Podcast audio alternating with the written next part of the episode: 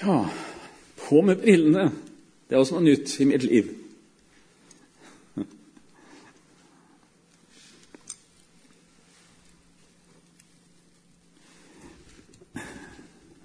Skal jeg få preke litt, da?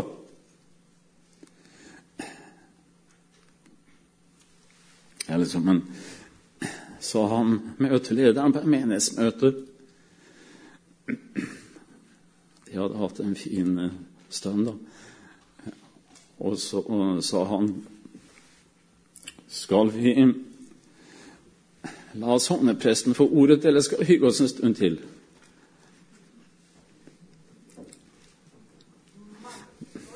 Jeg tror, jeg tror vi la forkynneren ta ordet, selv om ikke alle skjønte det jeg sa.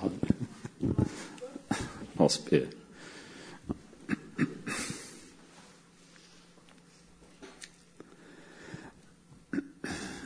Jesus, takk for det du har gitt oss allerede gjennom sangen til brødrene og, og, og åpningen, Herre, og, og um, i bønnesangen 'Dra meg', o Jesus.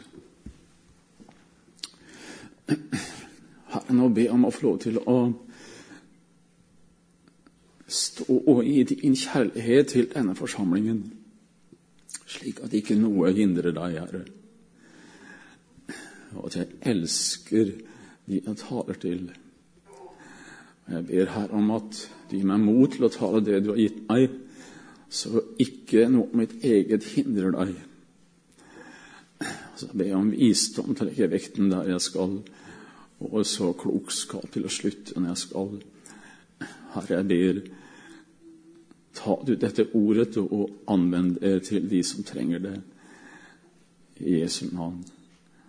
Amen.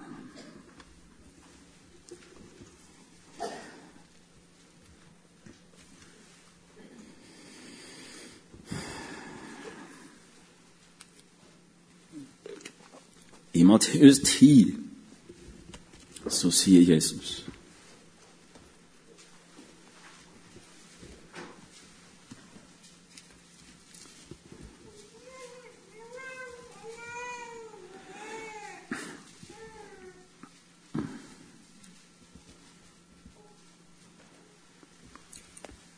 vers 28.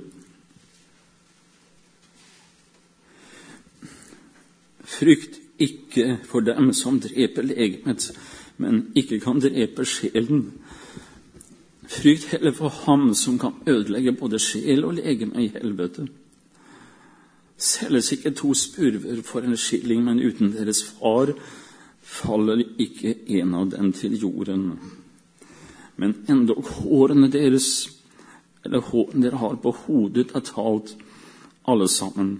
Frykt derfor ikke, dere er mer verdt enn mange spurver.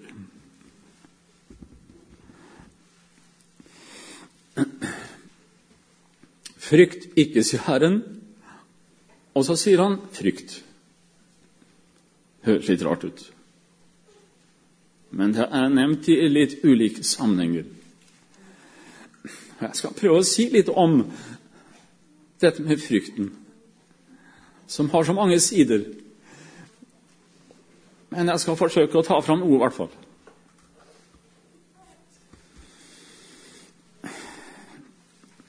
Det er et ord til meg som forkynner. Da jeg ble kalt til å være forkynner, da fikk jeg faktisk det to ganger denne kallsberetningen i Jeremia igjen. Både når Asbjørn Nordgård og Gunnar Prestegård la hånda på meg i Skien, husker jeg, og ba for meg. Da var det at de leste til meg først, fra Jeremia 1. Før jeg dannet deg mors liv, kjente jeg deg. Og før du kom ut av mors skjød, helliget jeg deg. Jeg satte deg til en profet for folkene. Men jeg sa, Å Herre, Herre, se, jeg forstår meg ikke på tale, for jeg er ung. Da sa Herren til meg, si ikke jeg er ung, du skal gå til alle dem jeg sender deg til, og alt jeg befaler deg, skal du tale. Frykt ikke for dem, for jeg er med deg og vil redde deg, sier Herren. Herren rakte ut sin hånd og rørte ved min munn. Og Herren sa til meg, se, jeg legger mine ord i din munn.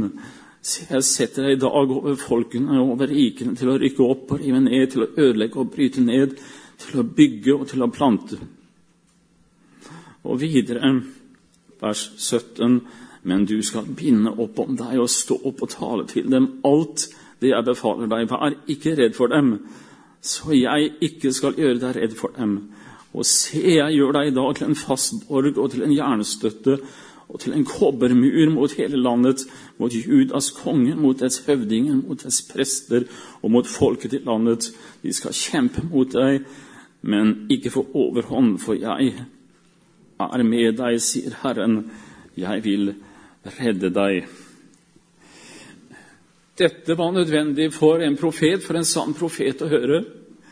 Dette er nødvendig for enhver forkynner å høre og leve i.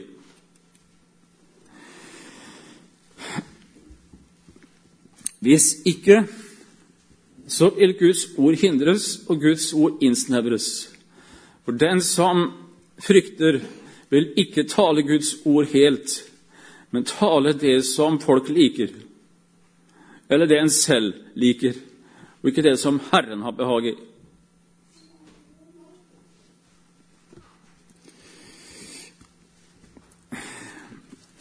Derfor sier Paulus til sin unge venn Timoteus Han var kanskje en litt engstelig type.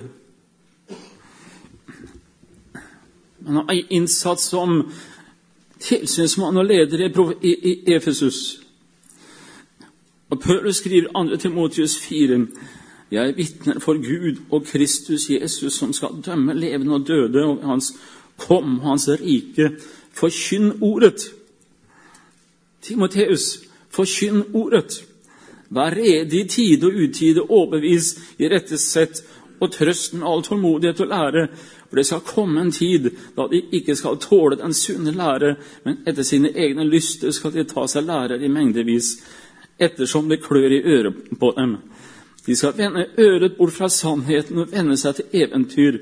Men vær du edru i alle ting, lid ondt, gjør et evangelistgjerning, fullfør din tjeneste ikke utlegge det, men altså enhver en forkynner som taler sannheten, vil oppleve litt av lidelsen. Både ifra verden og fra kjødelige kristne, lunkne kristne og andre typer kristne som lever utenfor Guds vilje på et vis. Det er en lidelse å preke, men altså en stor glede. Mens Paulus selv han levde der, og det var hans enorme styrke. I første test, kapittel 2, vers 3, så sier han Vår forkynnelse skyldes ikke villfarelse eller urenhet, og den kom ikke med svik. Men ettersom Gud har funnet oss verdig til å bli betrodd evangeliet, så tåler vi så taler vi ikke som de som vil behage mennesker, men Gud som prøver våre hjerter. Vi kom ikke den gang med smigrende ord, dere vet det selv, heller ikke med noe dekke for havesyke. Gud er mitt vitne. Heller ikke søkte vi ære av mennesker, verken av dere eller av andre. Selv om vi nok hadde kunnet opptre med myndighet som Kristi apostler, men vi var milde iblant dere som en mor når hun varmer sine barn. Hør det så fint en forkynner skal få lov til å være en mor som varmer barna. I inderlig kjærlighet til dere ville vi gjerne gi dere ikke bare Guds evangelium, men også vårt eget liv, for dere var blitt oss kjære, sier Paulus. Dette er en gjennomgangstone i Paulus' liv. Han var ikke opptatt av å behage mennesker, men Herren. Derfor sier han til Galaterbrevet, eller til Galaterne, kapittel 1, vers 10. Søker jeg nå å bli anerkjent av mennesker eller av Gud? Eller søker jeg å gjøre mennesker til lags? Dersom jeg ennå søkte å være menneske til lags, da var jeg ikke Kristi tjener. Dette er så al alvorlige ord. Hvis jeg er opptatt av å gjøre mennesker til lags, f.eks. denne forsamlingen eller andre, da er jeg ikke Kristi tjener. Og da er en annens tjener enten min egen eller en ondes tjener. Tenk å tro at man er Guds tjener, og så er man djevelens tjener. Fordi en vil gjøre mennesket til lags.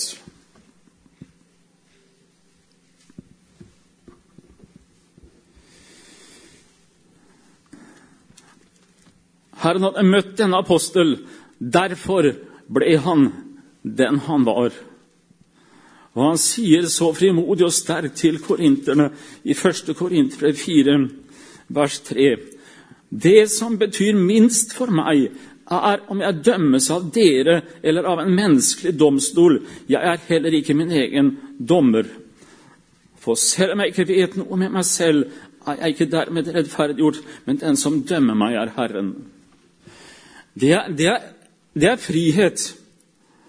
Det er, en, det er en, styrke. Det er en, ja. Og måtte Herren gi oss og meg og oss forkynnere mye, det er mye og noe av denne frihet og styrke, så vi ikke preker for å gjøre mennesket til lags.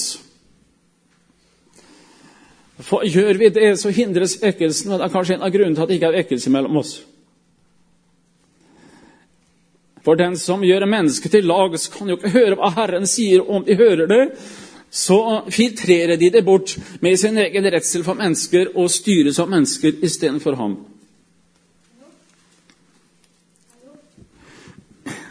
Jeg tror, søsken, at dette er en alvorlig synd blant oss forkynnere og ledere og, og alle for så vidt som tar ordet. En alvorlig synd. Vi løper andres eller våre egne ærend istedenfor Herrens. Og her vil Herren at vi skal omvende oss. Hører du det, broder og søster? Inkludert meg selv. Og Jeg håper inderlig at Jesus Kristus får møte meg sånn at jeg blir enda mer fri til å tale Hans ord og ledes av Han, og ikke noe annet. Herren trenger å reise opp flere som Børre Knutsen. Han var en som ikke var styrt av mennesker, så langt det er mulig å se, og som talte ordet.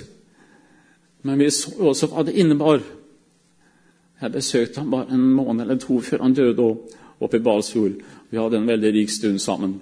Jeg så jo på kroppen hans hvordan han hadde ja, opplevd merkene, eller opplevd sårene, opplevd slagene, opplevd all motstand fra denne verden.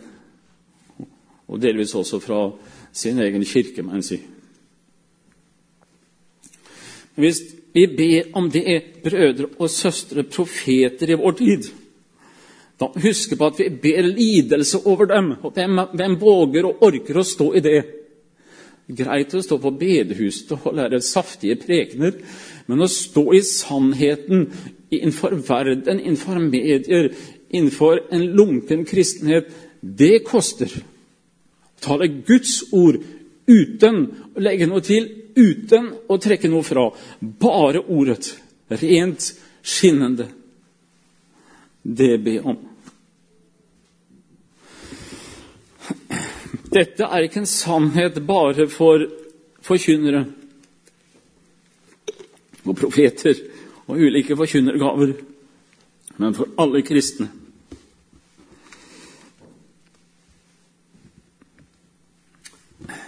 Menneskefrykten tror jeg mange kjenner til. Hva fører det til, brødre og søstre, menneskefrykten? Det fører til at du mister frimodigheten til å vitne om Jesus blant de ufrelste. Også når du får anledninger og muligheter legges så å si til rette for deg ferdiglagte muligheter, og likevel så bruker du dem ikke. Du er redd for deg selv mer enn å frykte ham, Herren. Det er redd for mennesker. Dessuten så hindrer det vitnesbyrdet i våre forsamlinger fordi man er opptatt av hva de andre syns og mener hvis man har fått noe av Herren. Så styres man av det, eller lar være å dele det som kan være litt spesielt og krevende. Da tørker vitnemøtene ut, og bønnemøtet blir også stivt og krampaktig. Vi ber sånn som alle vil at vi skal be. Det kan også hindre nådegaver, nye nådegaver og nye tjenester som vi ikke er like vant til, for det, kan bli reaksjoner på, vet du. Men Herren vil at alle gavene skal få lov til å slippe løs mellom oss, og at ikke vi frykter mennesker, men Herren lar alle gavene få lov til å mm, folde seg ut i sin fylde. Det er mange åndens gaver som vi skal be om, og vi trenger. Ikke sant, søsken? Menneskefrykten kan være en stor, stor hindring. Men der er mye kjærlighet, overbærenhet, oppmuntring i forsamlingen. Der vil både vitnesbyrd og bønneliv og nådegavelivet få lov til å folde seg ut i trygghet. Men der det er liksom menneskefrykten som ligger som en klam hånd over forsamlingen, da kveles nådegavene. I et rikt fellesskap der det er mye overbærende, der kan man få lov til å prøve ut gavene uten å bli slakta med en gang.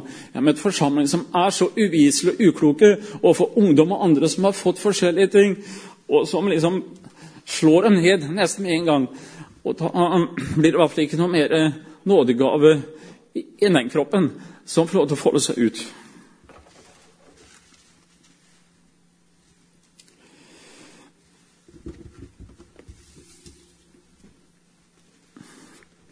Jeg tror også at det i verste fall kan føre til at vi kristne vi, vi går omkring med masker på.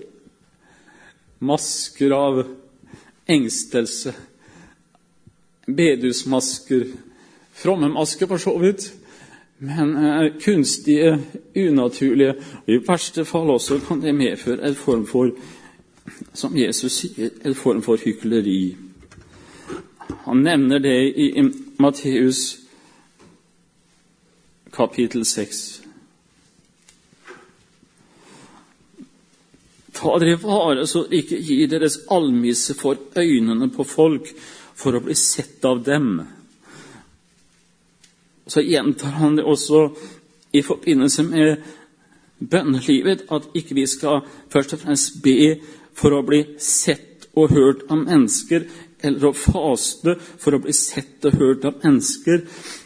Og Det ordet som brukes her på gresk, er veldig interessant å legge merke til. Det ordet er teathenai, for å bli sett av mennesker. Teathena, det er samme ordet som vi som jeg har i uttrykket teater. Teatenai. Teaterspill. Er det det vi driver med?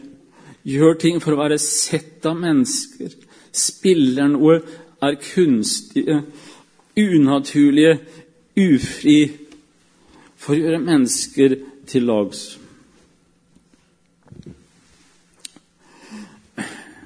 Jeg tror nok det er fort gjort det å ta på seg den maska. Istedenfor å være ærlig med sin skrøpelighet og sin, at man har det vondt og krevende eller ærlig med det Gud har gitt dem av ting og gaver og velsignelser. Istedenfor tar man på seg en maske. Som jeg har opplevd en del steder i landet. Jeg spør brødre og søstre åssen går det med deg. Og jeg vet jo at de har det tøft og vanskelig, men hver gang så hører jeg jo, det er greit. Men det er ikke greit. Og sånn går de i årevis og våger ikke å dele sin smerte og sin kamp og prøvelse med andre. Kanskje fordi de er engstelige for hva da vil skje. Blir de tatt imot? Blir de skjønt? Blir de hørt? Er det noen som lytter til dem, som ber for dem med omsorg?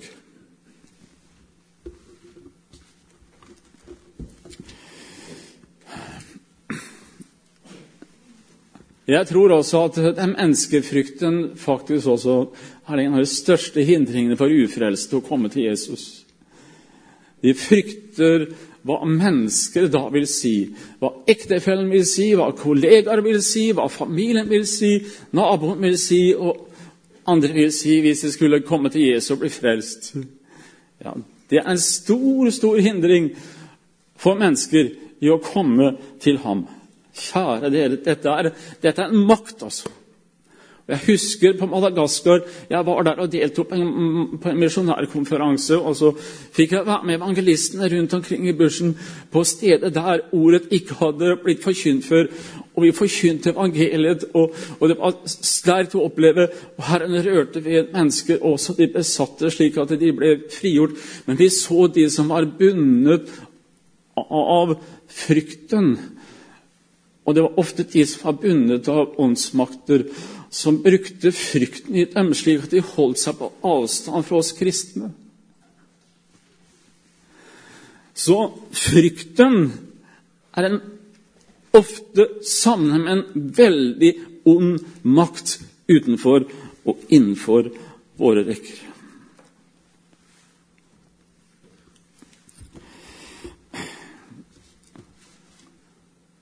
Det er vel ikke for mye sagt at eh, menneskefrykt er et alvorlig brudd på Guds vilje, det første budet. Det er en alvorlig synd. Og fordi den har med det første budet å gjøre, så er det den verste synden. Du skal ikke ha andre guder enn meg. Hvorfor er dette en så alvorlig synd? Fordi man setter mennesker foran Gud setter mennesker først. Og da blir mennesket Gud. Og du vet at det man frykter, det har makt over en. Alt du frykter, har makt over deg. Alt som du er redd for, styrer deg, har kontroll over deg og bestemmer over deg. Hvis du frykter Herren, så styres du av Herren. Frykter du mennesker, så er du styrt av mennesker. Stakkars deg. For det å ha mennesker som herre og være styrt av mennesker, det er slitsomt. Det er en ubarmhjertig avgud.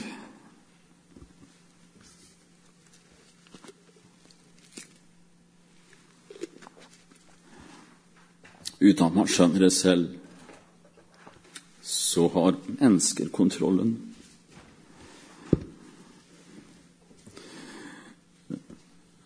Kjære søsken, hva frykter vi? Hva frykter vi? Hva frykter jeg mest?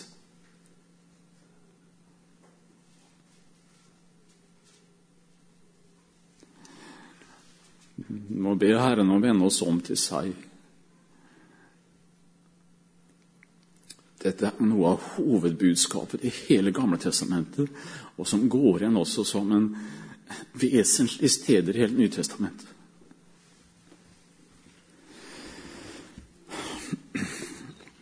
Hva er årsaken til menneskefrykten, da? Det er sikkert mange årsaker, jeg kan ikke nevne alt det der. Det er klart at det har, har psykologiske årsaker bak dette. Mennesker som er mobba, såra på dypet. Det er klart at de trekker seg inn i seg selv og, og kjenner på frykten for å oppleve det samme, enten på bedehuset eller ellers som har hatt utrygghet i hjemmet sitt, opplevd at det ikke var frihet og trygghet der, men som fikk liksom bakt inn en stor utrygghet, usikkerhet på seg selv. Det har skapt frykt gjennom hele livet, som styres bare av et regelverk eller hardhet og ukjærlighet. Det er klart at det skaper mye frykt og angst, som også er en del av bildet. Så det er helt klart psykologiske årsaker, men altså først og fremst noen store åndelige årsaker her, nemlig i syndefallet. For i syndefallet så falt mennesket fra Gud og på en måte ned på jorden og begynte å dyrke det skapte, dyrket mennesket, dyrket seg selv. Da fikk mennesket andre mennesker som Gud, for å si det sånn.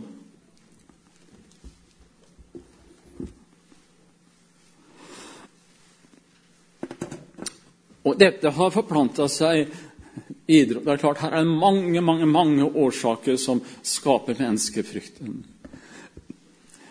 Jeg tror f.eks. det Jesus tar opp Han har jo ikke tid til å ta opp alt dette her. Det er jo ikke noe bibeltime jeg skal holde heller, som det kanskje kunne vært nødt til. Det Jesus tar opp i Matteus 7 om ikke å dømme. Jeg tror jeg er uhyre aktuelt langt inne i bedehuset, også her hos oss. Det er ikke dømme andre. Det betyr ikke at vi skal la være å bedømme læremessige ting. Og bedømme det som er mot Guds vilje, det som er synd. Det skal vi bedømme, naturligvis. Vi skal også bedømme med omsorg og kjærlighet, men vi skal være tydelige på det. Det sier ikke Herren at du skal la være. Det skal du fortsette med. Men å dømme Hva er det for noe som Jesus mener her? Det er en, holdning der man setter seg over andre og tenker at det alltid er rett med meg og det jeg står for, og ikke de andre. Det er slik en, en, en holdning der man ser ned på andre mennesker. Der man uten å skjønne det ligner veldig på fariseerne i tempelet som sier Gud, jeg takker deg for at jeg ikke er som andre mennesker, og ikke som den der sånn, den tolleren. Jeg takker deg for det. Og kanskje dere opplever det, søsken. Takker deg for at jeg ikke er som misjonssambandsfolk. Jeg takker deg, Herre, for at jeg ikke er sånn. Eller jeg takker deg for ikke jeg er sånn pinsevenner. Jeg takker deg for ikke jeg er sånn nordmisjonsfolk. Jeg takker deg jeg ikke er sånn. Man må ikke si det, men det kan være en holdning innvendig, for dette har med en en ånd, en åndsmakt, som har, at man ikke bare bedømmer det som man skal gjøre fra Guds ord, men en slags dømmesyke der man er opptatt hele tiden å være kritisk. Det er så slitsomt å komme inn i slike sammenhenger hvor denne ånden har fått lov til å feste seg. I slike forsamlinger er man overkritisk. Man er ikke bare sunn kritisk til ting, man er overkritisk hele veien. Man nesten liker kritikken og trives i å være kritisk. Nesten blir skuffa hvis man ikke har noe å kritisere. Enten det er møteleder eller taler eller sanger eller hvem som helst, eller de som skal vitne. Og det er klart, i en sånn atmosfære, hvem er som tør å være fri og frimodig? Der er det mye menneskefrykt.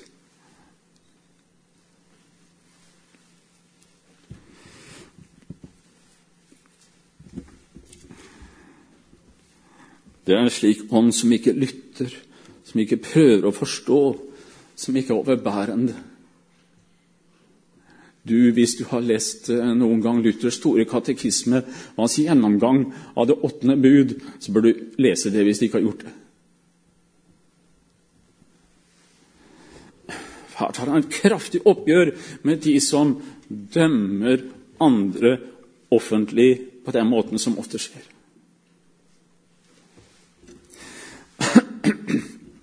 Og så tror jeg det er en uting Jeg vet ikke om det er noe særlig av det her hos dere, men uting som har opplevd litt mer før i livet, at noen reiser og arresterer forkynneren eller vitnesbyrdet rett etter at det har skjedd. En total uting, ikke bare en uvan, det er fullstendig galt.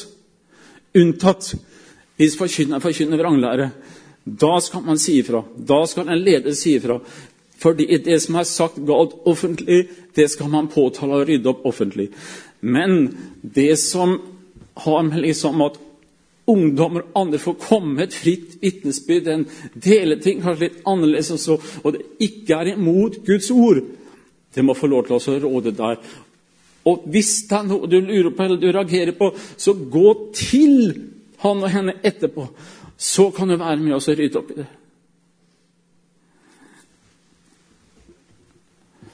Her er det mye å snakke om, f.eks. baktalelsen. Det er utrolig at den får lov til å råde. Her påtaler vi hor og stjeling og drap. Ja, det kan vi snakke rett mye om. Det skal vi gjøre når det er der. Men baktalelsen, denne vemmelige synden som får lov til å virke i det skjulte, som består i at vi mistenkeliggjør og ikke tror på det andre sier, ikke stoler på at vedkommende mente det rett, men tillegger han og henne gale ting og så prater om det uten at han henne er til stede og kan forsvare seg. Vi har ifølge Guds ord ikke lov til å brette ut andres feil og synder offentlig i en sammenheng. Det er å baktale. Men har du noe og si på han og henne, så skal du gå til han og henne og snakke om det og hjelpe vedkommende til rette. Da kan du hjelpe Du, du hjelper ikke et menneske at du prater bak ryggen hans og hennes. Det eneste som skjer, er at det bygges opp skjulte murer mellom oss. Og De menneskene du driver og baktaler, kan du aldri kjenne frihet i forhold til, og der råder også mye menneskefrykt.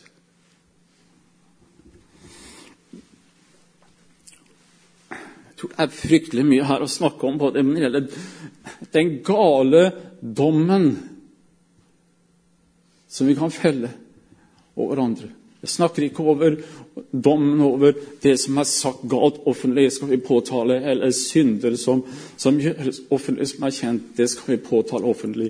Men den herre kritiskheten, mistenkeliggjøringen overfor andre hele veien, den kveler veldig mye.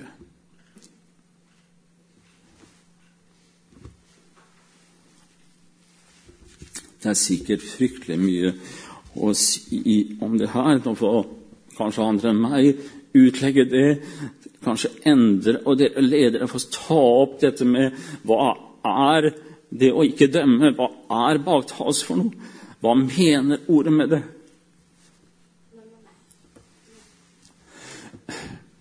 Vi kan i hvert fall si når det gjelder det siste Jeg takker Herren for at han ikke baktaler meg for tronen. Jeg takker for at jeg har en forsvarer, og ikke en baktaler der. Takk og lov for det, at han er annerledes enn mange kristne.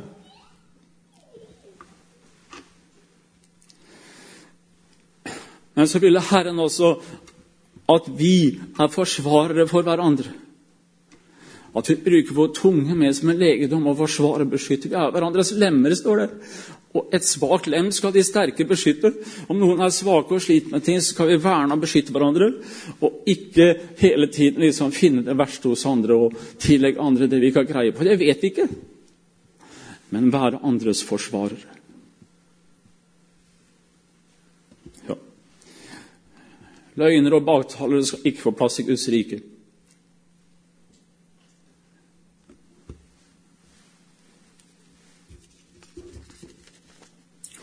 Jeg sier at dette kan være en av årsakene til menneskefrykten imellom oss. Så får dere tenke etter. Kanskje jeg ikke snakker et, det som er aktuelt i hele tatt. Jeg tror i hvert fall at eh, på de aller fleste steder og i dette land så er det uhyre viktig å ta opp dette temaet her.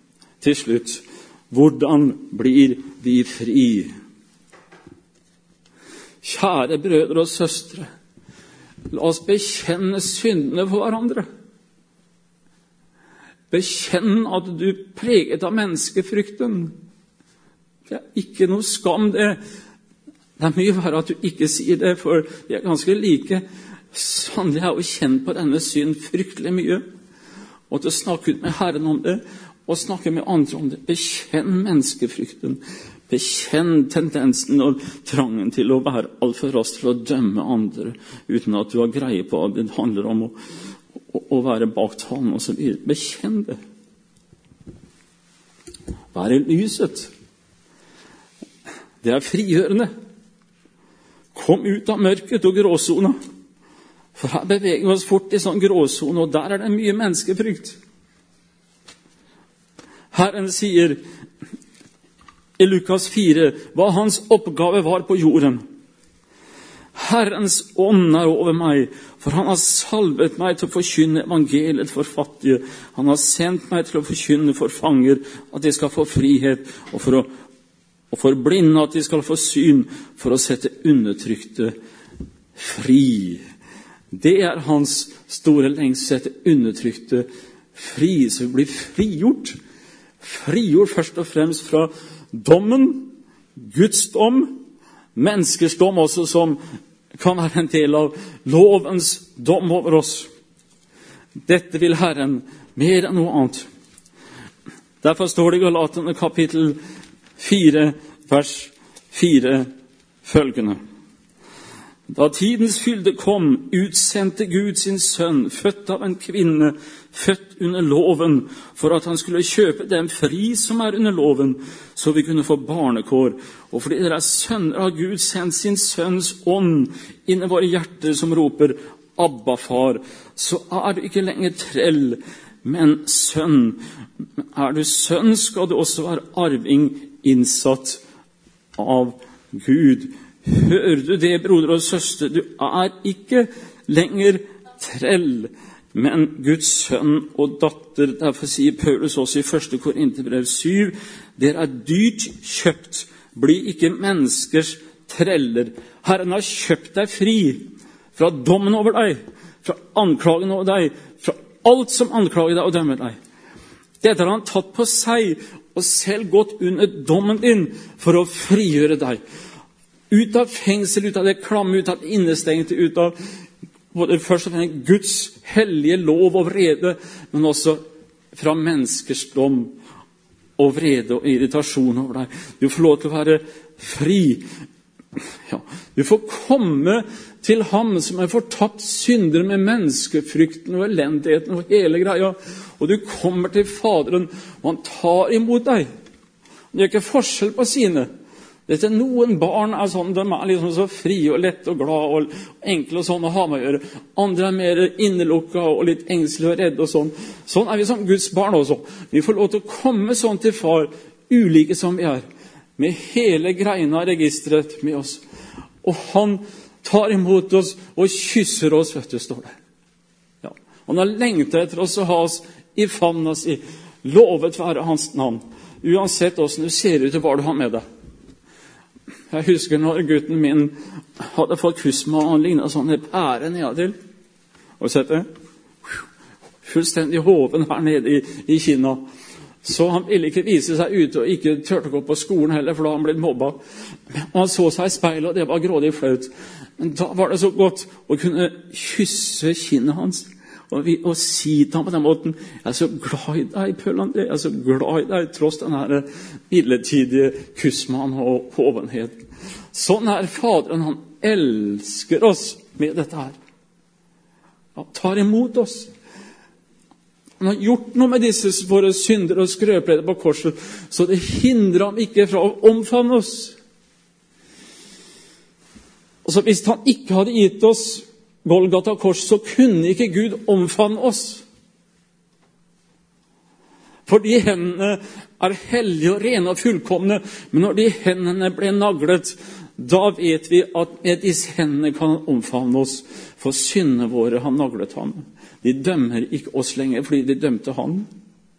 Det gjør at han med sin nåde kan omfavne deg. Og syndene blir ikke brutt mot deg. Han er for deg, uansett hvem du er. Det satt en gang ved et middagsbord en mor og en far og åtte unger, omtrent som hjemme hos Knut og Randi, det vel.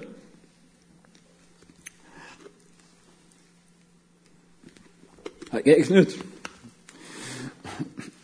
Og så var det en sånn liten sånn, en, glagling, da, som het Simon, som ville stille faren på prøve.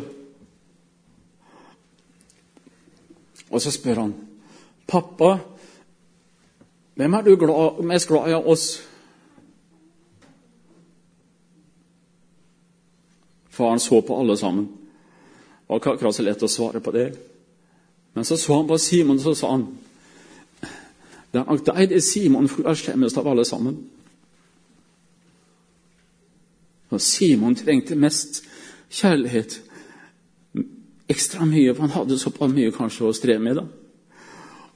Så uansett hvor mye av synd og skrøpeligheter og mangel og feil du har, så er du elsket uendelig høyt av Han.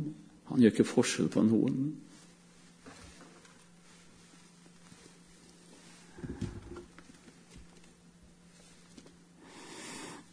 Så du har en Fader i det høye som faderomsorg for deg bær. Derfor sier Paulus i Romerne kapittel 8. Hva skal vi da si til dette? Er Gud for oss? Hvem er da imot oss? Han som ikke sparte sin egen sønn, men ga ham for oss alle. Hvordan skulle han kunne annet enn å gi oss alle ting med ham? Hvem vil anklage Guds utvalgte? Gud er den som rettferdiggjør. Hvem er den som fordømmer? Kristus er den som er død. Ja, mer enn det som er blitt reist opp, som også er ved Guds høyre hånd, som også går i forbønn for oss. Gud Fader er for oss. Man kan si som, som skaper han for sin skapning og elsker dem. Men tenk på deg da som tror på Jesus Kristus og har skjult deg i Sønn og, og stoler på han har gjort Gud er for deg med hele sitt hjerte. Han er på din side. Han er ikke mot deg. Synden din er mot, men de har han skjult i Kristus, de har han begravd i Kristus. Og han er for deg. Hva betyr det da at mennesker er imot deg? Det er forferdelig hvis Gud er imot oss. Hva hjelper det da at alle mennesker er for oss? Men når Faderen er for oss, da spiller det en liten rolle om mennesker er imot oss. Hva skulle vi da frykte for når Herren er for oss? Dette går igjen mange steder i litteraturen. F.eks. Salme 118.: Herren er med meg, jeg frykter ikke, hva skulle et menneske kunne gjøre meg? Herren er med meg, han er den som hjelper meg. Jeg kan rolig se på dem som hater meg. Det er bedre å ta sin tilflukt til Herren enn å stole på mennesker. Det er bedre å ta sin tilflukt til Herren enn å stole på fyrster. Og så videre. Herren er for meg. Det er uendelig stort og rikt. Og Det er fordi først og fremst at han har gitt oss Jesus sin egen sønn. Jesus har noe egen plass vet du, i himmelen, i Faderens hjerte, fordi han er sønnen hans. Jesus har den store barneretten fordi han er Guds store barn med stor B. ikke sant? Men Jesus kom altså inn i vårt sted og tok på seg trelleriet og synden vår og våre kår. Bytta plass med oss for at vi skal få hans kår og rettigheter. Han ble så å si en trell under synd og dom for å gi oss sin frihet, barnekåret og sine rettigheter. Derfor har vi fått barnekårets ånd, som roper 'Abba, far'. Barnekår i Bibelen det er det samme som det å bli satt på kneet. Det er slik det kunne oversettes. Å bli satt på kneet. Det betyr også at eh, vi er satt på kneet til far. Vi er barn, brødre og søstre. Hans sønn og datter satt på hans knær. Ja. Og barnerettigheter. Her kan vi puste ut. vet du. Her vet jeg at jeg har en far som elsker meg, som kjenner meg ut og inn, som er glad i barnet sitt. Mye bedre enn alle fedre og mødre til sammen. Elsker han meg uendelig høyt. Han har gitt meg Jesu barnerettigheter. Alt sammen så jeg skal få lov til å bli behandlet med de, de samme holdning og kjærlighet som Jesus ble tatt imot av Faderen. Jeg skal få lov til å være der, ha barnerettigheter. Sitte på fanget og være fri og, og si 'far'. Til og med rope 'Abba, far'. Abba betyr jo pappa. Det var helt fullstendig totalt fremmed innenfor den gamle jødedom å kunne kalle den allmektige Gud for Abba.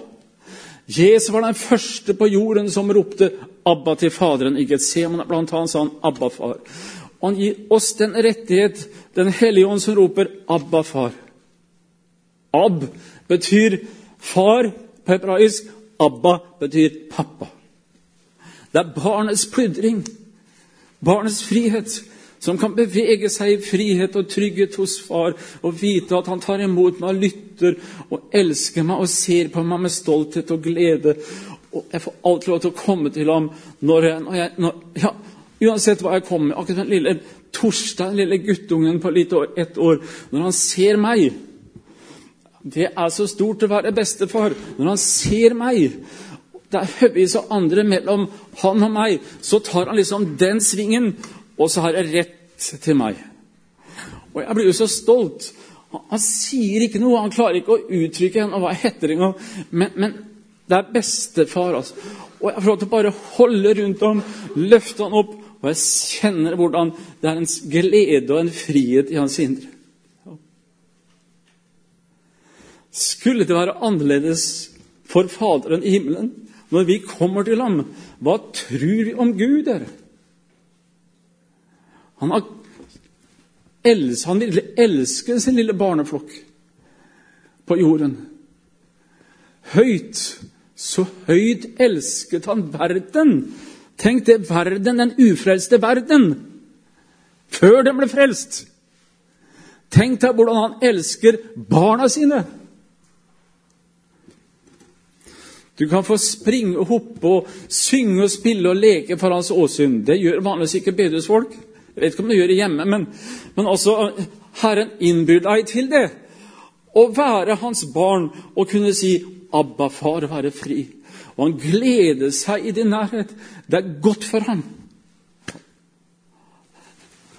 Det er det beste for besteforeldrene og foreldrene å ha barna hos seg. Ha dem i favn. Tenk hvor stort det også da må være for ham å ha oss inntil seg. Omfavnet på fanget hans. Og til slutt Det som er en veldig hjelp mot menneskefrykten, det er Som også Paulus har lært oss å vandre for Guds ansikt. Jeg tror nok at en del mennesker har et litt rart bilde av Gud. For det er klart, Hvis man har et skjevt bilde av Gud, så vil det prege også dette her, om man, er, om man virkelig har blitt fri og trygg. Hvis man først og fremst har bilde av Gud som en strenge, fjerne, utilnærmelige Gud og far, så vil det naturligvis ja, påvirke hele hennes holdning og vandring sammen med ham. Så det å oppdage friheten i Kristus, barnekårets ånd, det er en stor, uendelig hjelp mot menneskefrykten. Det som da skjer, det er at vi kan løfte våre øyne så å si med troens blikk og se oppover mot Faderen, noe som preget Paulus som hjalp han i tjenesten i alle tøffe situasjoner blant mennesker og ledere og konger og fyrster og antiromer og hva det ene er. Det er det han ofte gjentar i sine brev. Han sier i 2. Korinterbrev 2,17.: For vi er ikke som mange andre som forfalsker Guds ord for å gjøre, for å tjene på det, men i renhet, ja, som av Gud taler vi for Guds åsyn. Han sto for Guds åsyn, Paulus. Her tror jeg det ligger en stor hemmelighet. At vi enten som forkynnere eller tilhører uansett hva slags tjeneste har, at vi står for Guds ansikt og taler. Det er en far som ser på meg nå. Hans ansikt følger meg. Han er full av nåde og kjærlighet. Og Her ligger en enorm frihet. Hvor viktig det er for barnet når det er redd å se mammas og pappas ansikt. Når den lille gutten som er mobba på skolen og, og engstelig for den store gjengen som står mellom han og hjemmet Hver eneste gang så er de der. Men når pappa stiller opp og kommer, og gutten ser pappas ansikt det gir frihet fra menneskefrykten. På samme måte her enorm hjelp å så å si gjennom ordet se inn i Kristi ansikt, som elsker, oppmuntrer, beskytter. Så når Herren tar deg opp til seg og setter deg på fanget og kler deg med Jesus og sier 'Du er ren og rettferdig, du er perfekt', da er det at du fylles med en glede og en frihet. Og i denne faktisk frihet og barnekår, så vokser det fram en ny form for frykt for Gud. Ikke en redsel for Gud, sånn som noen kan ha, men en frykt for Gud som er positiv frykt. En sånn frykt som liksom bekrefter meg, som støtter meg, som er livsforfriskende, som er en herlig positiv som gjør at jeg har ikke lyst til å miste samfunnet med Gud. Jeg må ikke komme i en situasjon at jeg mister fellesskap med Han. Det er en positiv frykt. Ikke redselen for ham, men en indre lengsel etter å være alltid i den posisjonen at jeg må gjøre det han vil, og leve som han ønsker, og stå for hans ansikt. Det er den hellig, gode frykten som Gud vil gi oss. Og denne form for gudsfrykt driver menneskefrykten ut. Jeg tror det er bare den gudsfrykten som kan hjelpe oss mot menneskefrykt, faktisk.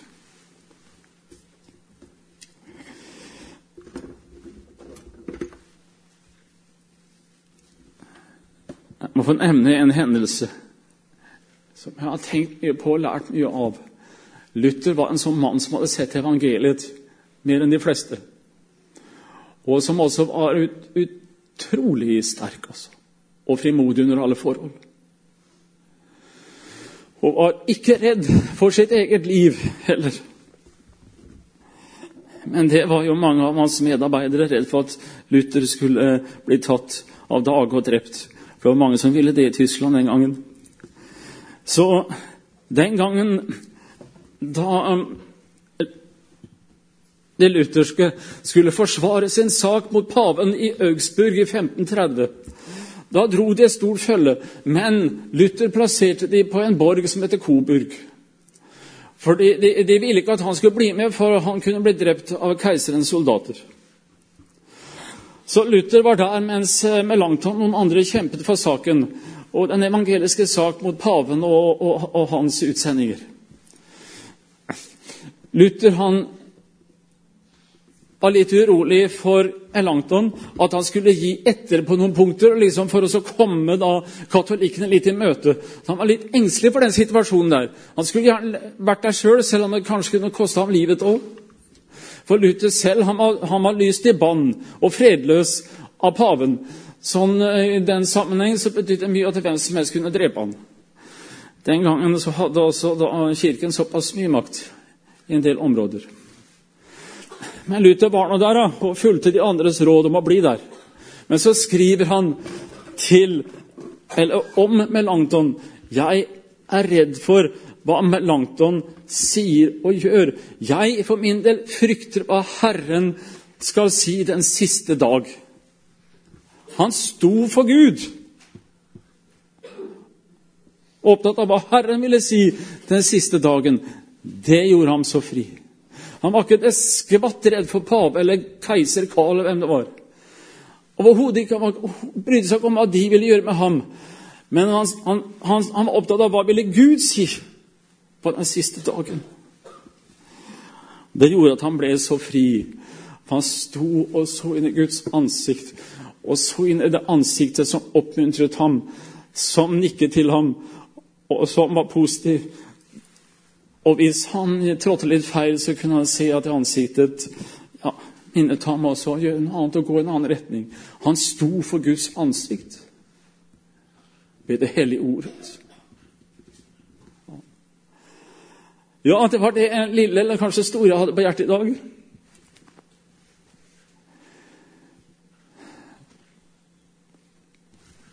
Det som står igjen for meg i dag etter dette, det er at Herren frir meg fra menneskefrykten, menneskeslaveriet, menneskestyringen, enten det er utenfor bedus eller inni og at jeg kan få lov til å stå for Gud, Hans ord, og bare tale det.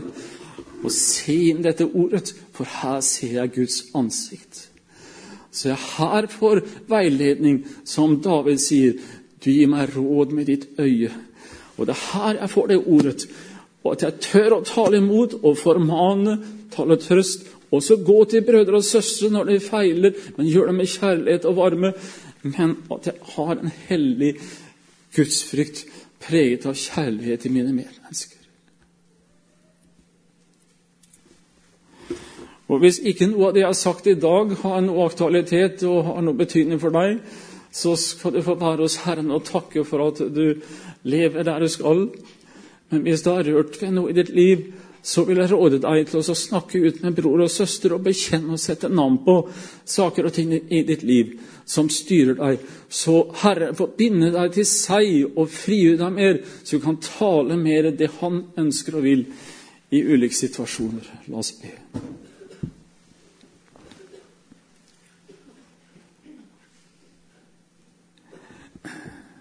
Far himmelen, på en måte så får jeg lyst til å slå blikket skamfullt ned. Og hvor ofte, Herre, har preka etter munnen og etter andre vil ha vært redd for mennesker, at de skal dømme og slakte meg. Jesus, takke for de ganger du har arbeidet på meg og vist meg denne synd. Og, og Herre, jeg ber om at du frigjør meg enda mer, Herre. Så jeg kan forstå for ditt ansikt først og fremst, Herre, og lytte til ditt ord og din, det Den hellige ånd minner om i ordet for vår tid. Enten blant troens folk eller de utenfor Jesus Kristus. Herre, vi ber at ikke menneskefrykten skal være som en sånn herre et filter som gjør at ikke vi lytter til det du sier, men styres av andre ting. Herre, vi ber at du fjerner ørebeskyttelsen vår, så vi hører ordet, hva Ånden sier til menighetene, Herre. Kom, Jesus Kristus. Og vi ber at du reiser opp mennesker, menn og kvinner, som er hos deg, Herre, som profetene den gangen, og som taler ditt ord uredd, Jesus, men med en brennende kjærlighet til våre medmennesker. Ikke hardt, men varmt, Herre. Jesus, kom, møt oss, led oss. Gjør oss fri, Herre, i Jesu navn. Amen. Skal vi ta imot Herrens velsignelse? Herren velsigne deg og bevare deg. Herren la sitt ansikt lyse over deg og være deg nådig. Herren løfte sitt åsyn på deg og gi deg fred.